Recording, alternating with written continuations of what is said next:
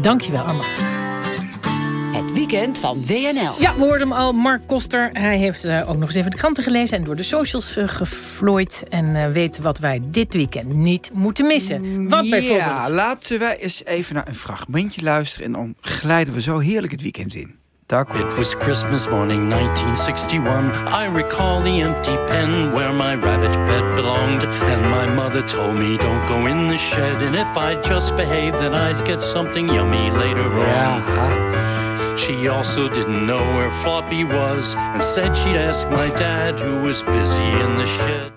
Ja, Todd Rundgren uh, heeft het, het, fantastische nummer van Joep van Hek gecoverd. En het eigenlijk heel erg bij de tekst gehouden waar het over ging. Uh, Joep van Hek vindt daar zelf van dat niet helemaal klopt. Want die Todd Rundgren denkt in al zijn naïviteit dat kinderen konijnen vangen. En dat ze dat dan met, uh, met Sinterklaas of met, met kerst... Sinterklaas, oh met kerst. Met, met, ja. kerst uitgesfeerd. Dat is allemaal onzin. Maar waar begin ik mee? Omdat Joep van Hek een geweldig interview heeft gegeven aan de Volkskrant. En toen ik hier net ter redactie kwam, werd ik daardoor ook al door mensen lopende wijze hierop aanzoeken. Dat is toch een fantastisch interview. Mark, ga je dat helemaal uitventen? Ik dacht, nou, we kunnen alleen maar... Ik heb er niks van gelezen, vertel. Nee, nou, Joep van het Hek, geweldig interview... met ook de fantastische interviewer Sarah Berkoljon...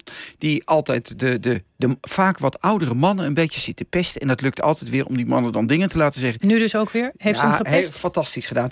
Um, nou, Van het Hek die, die, die vertelt een aantal dingen. Ten eerste gaat hij even los over de tijd dat hij ziek was. En gaat eerst even het AD te grazen nemen. Het AD meldde dat hij ziek was, maar meldde ook aan de lezers of ze misschien even een foto konden toesturen van de onwel geworden Joep van Hek.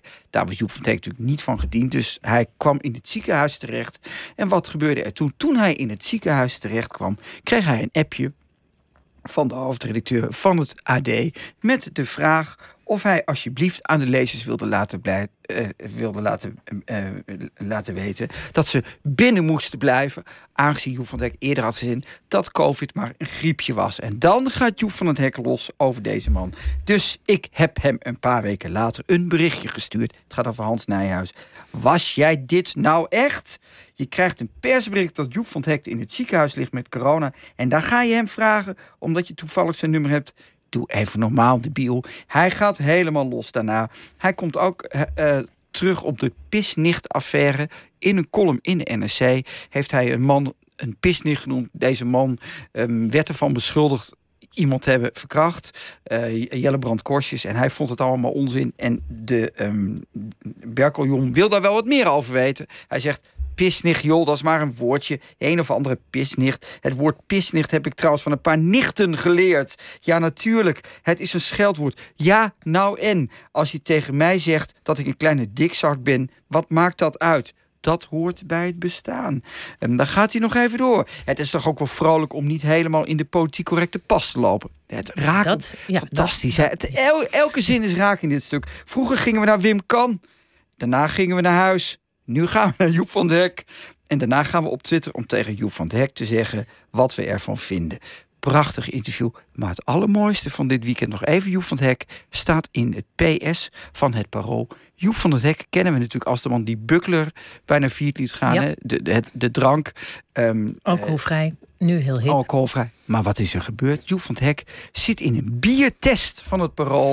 Oh, en wat leuk. test hij? 0.0. Samen met Joris En dan gaat hij niet zeggen dat hij het lekker Sa- vindt. ja, moet je Wel? opletten. Oh. Samuel Levy en Judith uh, Silversmit test zitten in het grote testpanel. Hij heeft 20 biertjes getest. Eentje vindt hij heel smerig. Hertog Jan 0.0. Een studentenkate ruikt ook zo na een lang weekend morsen. Merkt Joep op. Heel vies dus. Maar hij heeft, hij heeft er eentje gevonden. Dus de man die Buckler ooit kapot maakte... heeft eindelijk na al die jaren een biertje gevonden. Een 0.0'tje die hij wilde drinken. Het is Swinkels 0.0. Schuimt goed in het glas. Parool. Nou, hartstikke Het is goed. dat we er nog 20 moeten proeven. Anders had het proefpanel nog één besteld. Heel, dat was Joep van het Hek tot nu toe. Dan gaan wij verder met Paul Cliteur, de man die bij voor Democratie in de Senaat zat. Hij is inmiddels uitgestapt. Is ook hoogleraar in Leiden en omringt zich daar al dus critici met allemaal paladijnen die het met hem eens zijn. En ja, de Universiteit Leiden zou dus in handen zijn gevallen van voor van democratie. Sterker nog, Cliteur zou zich niet hebben, eh, die zou zich ook met antisemitische teksten, eh, die, die, daar zou hij geen afstand van nemen. Cliteur En wie zegt dat? nou, dat, dat zeggen een aantal critici. En deze cliteur moet daarom misschien wel weg. Dat is een beetje de stelling. Heel goed verhaal in het AD. Die zijn eens even gaan peilen. Heeft hij dat nou echt gezegd? En daar komen ze. Er is geen enkele aanwijzing dat cliteur ooit racistische of antisemitische opvattingen verkondigde. Stelt Diederik Boomsma, CDA-raadslid in, in Amsterdam. En deze Boomsma, ik wist het niet, promoveert bij een collega van cliteur. Hij zegt zelfs dat ehm Cliteur enigszins linkse ehm, opvatting heeft. Atheïsme en dierrechten zijn twee van zijn belangrijkste thema's. Dat is toch moeilijk conservatief te noemen. Nog veel beter in dat stuk is dat Mico Floor, een GroenLinks, eh GroenLinkser op social media, het opneemt voor Cliteur. Hij zegt, er is niks mis mee dat er in Leiden een conservatieve club is die conservatieve dingen roept binnen een universiteit. Heel goed. heel Ja, toch? Terecht, toch? Vrijheid Terecht, van meningsuiting, Precies. daar gaat het toch En steeds zo over. dendert het hele stuk door. En de Ja. NRC gaat er ook nog op door. Die zeggen, willen wij dus de, de, de idee van de universiteit levend houden... en niet achterblijven met gebouwen die slechts de naam universiteit dragen... dan dienen wij dit veelkoppige monster van de hysterische politieke correctheid te temperen... en ruimte te bewaren voor de veelstemmigheid. Margreet, hè? Heer, heer. Heer, heer, durf Mooi. te denken. Dus ik vind dat heel goed. Dan een geweldig interview, ook in het AD, met Ron Jans. De man die trainer was bij Cincinnati. De club in eh, Amerika. Daar vanwege het bezig van het, het N-woord. Nou ja, dat zullen we hier niet noemen. Eruit moest. Hij zong een repliekje mee waarin het N-woord voorkwam. De zwarte speler zei, maar jij mag dat niet gebruiken. Wij wel. Hij werd ontslagen. Hij keek daar nou op terug. En hij, zei, hij zegt eigenlijk dat, dat hij zich daar totaal in heeft vergist. Want in Amerika is het allemaal anders dan hier. Ik ben wel de laatste die onderscheid maakt tussen mensen. Deze affaires zijn mij meer over de Amerika, Amerikaanse maatschappij in bredere zin dan over mij. Als we met elkaar niet vrij uit kunnen praten over de geschiedenis van je eigen land. Als er zoveel verkramping is, zoveel verdeeldheid tussen groepen mensen. Dat zegt, mij, dat zegt in mijn ogen heel veel over Amerika. Oké, maar hij durft zelfs nu nog het woord nigger niet te zeggen. Nee, durft hij niet te zeggen. Hij heeft ook gezegd dat hij daar he- enorm. Dat hij Spijt dat, heeft. Nou, het spijt dat hij dat helemaal niet inzag dat het zo moet. En ik vind dat wel mooi. Naïeve mensen die dat niet slecht bedoelen, dat toch zeggen. Ja, wat vind jij? Dat mag Nou ja, kijk, het ligt eraan wat je, wat je intentie daarvan is. is dat, eh, om, om, om, als je een racist bent, is dat een afschuwelijke term. Maar als je het, eh, zwarte mensen zeggen het tegen elkaar ook, en dan is het toch prima.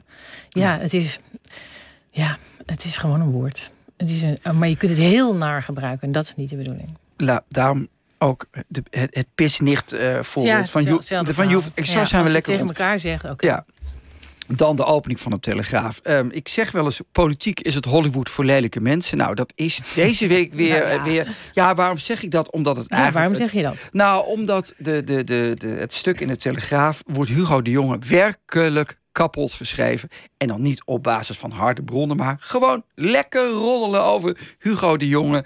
Lijsttrekker Hugo de Jonge zou te weinig gezag hebben. Dat te weinig gezag staat tussen haar. Zou op het ravijn afgaan. Met Hugo wordt het niks. Voorpagina van de Telegraaf. Denk je nou, Het was verschrikkelijk ook om politicus te zijn. Ja, dat je nee. dit soort dingen over Vreselijk. Kijk, als je, dat Ja. als je bij goede Heel tijden, naar. slechte tijden werkt en wordt afgemaakt, dan is dat nog. Maar dit, dit wordt dus gewoon gezegd. Anoniem. De felste critici worden anoniem. De, felste kritiek wordt anoniem gespuit. Senator Ria Omen gaat wel voor de record. Hekelt dit verholen gezaag aan stoelpoot. Ik citeer uit de Telegraaf. Ik heb soms het idee dat partijgenoten via Haagse sores verdeeldheid proberen te zijn. Oud-minister Maier van Bijzenveld zegt: het gaat toch om politiek. Maar dan gaat het weer door. De nummer twee is niet heel blij met zijn plek. Gaat over Pieter Omzicht. Pieter was graag nummer één geworden. Dat, dat ettert toch nog even lekker door. Het staat allemaal in de tele- Vreselijk voor die man, hè? Dus, dus ja, wat je ook van onze vriend mag zeggen. Het is wel heel hard. En Martijn van Helvert. Deelt de hardste tik uit. Die zegt, het gaat wel een beetje stroef. En Van Helvert deed mee aan die verkiezingen. Ja, die had er ook nog even kandidaat gesteld, ja.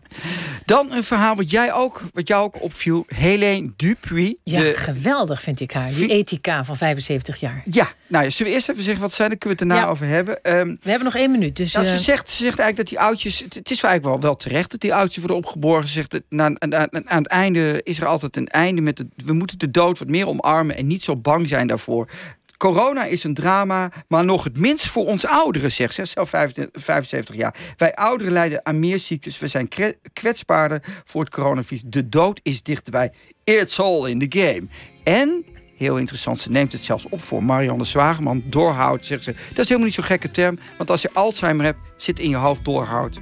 Kun je best zeggen. Ja, zij schreef dat als je dat inderdaad eh, in beeld zou brengen... dan zie je inderdaad dat hersens als doodhout tegen elkaar liggen. Maar ze vond het niet slim van haar. Ze Nee. wist dat ze problemen zou krijgen. Maar ze vond maar ze het vond de eigenlijk wel- wel discussie. Ja. vond zij terecht. Dus dat vond ik ook mooi. Dus Hartelijk lezen. dank.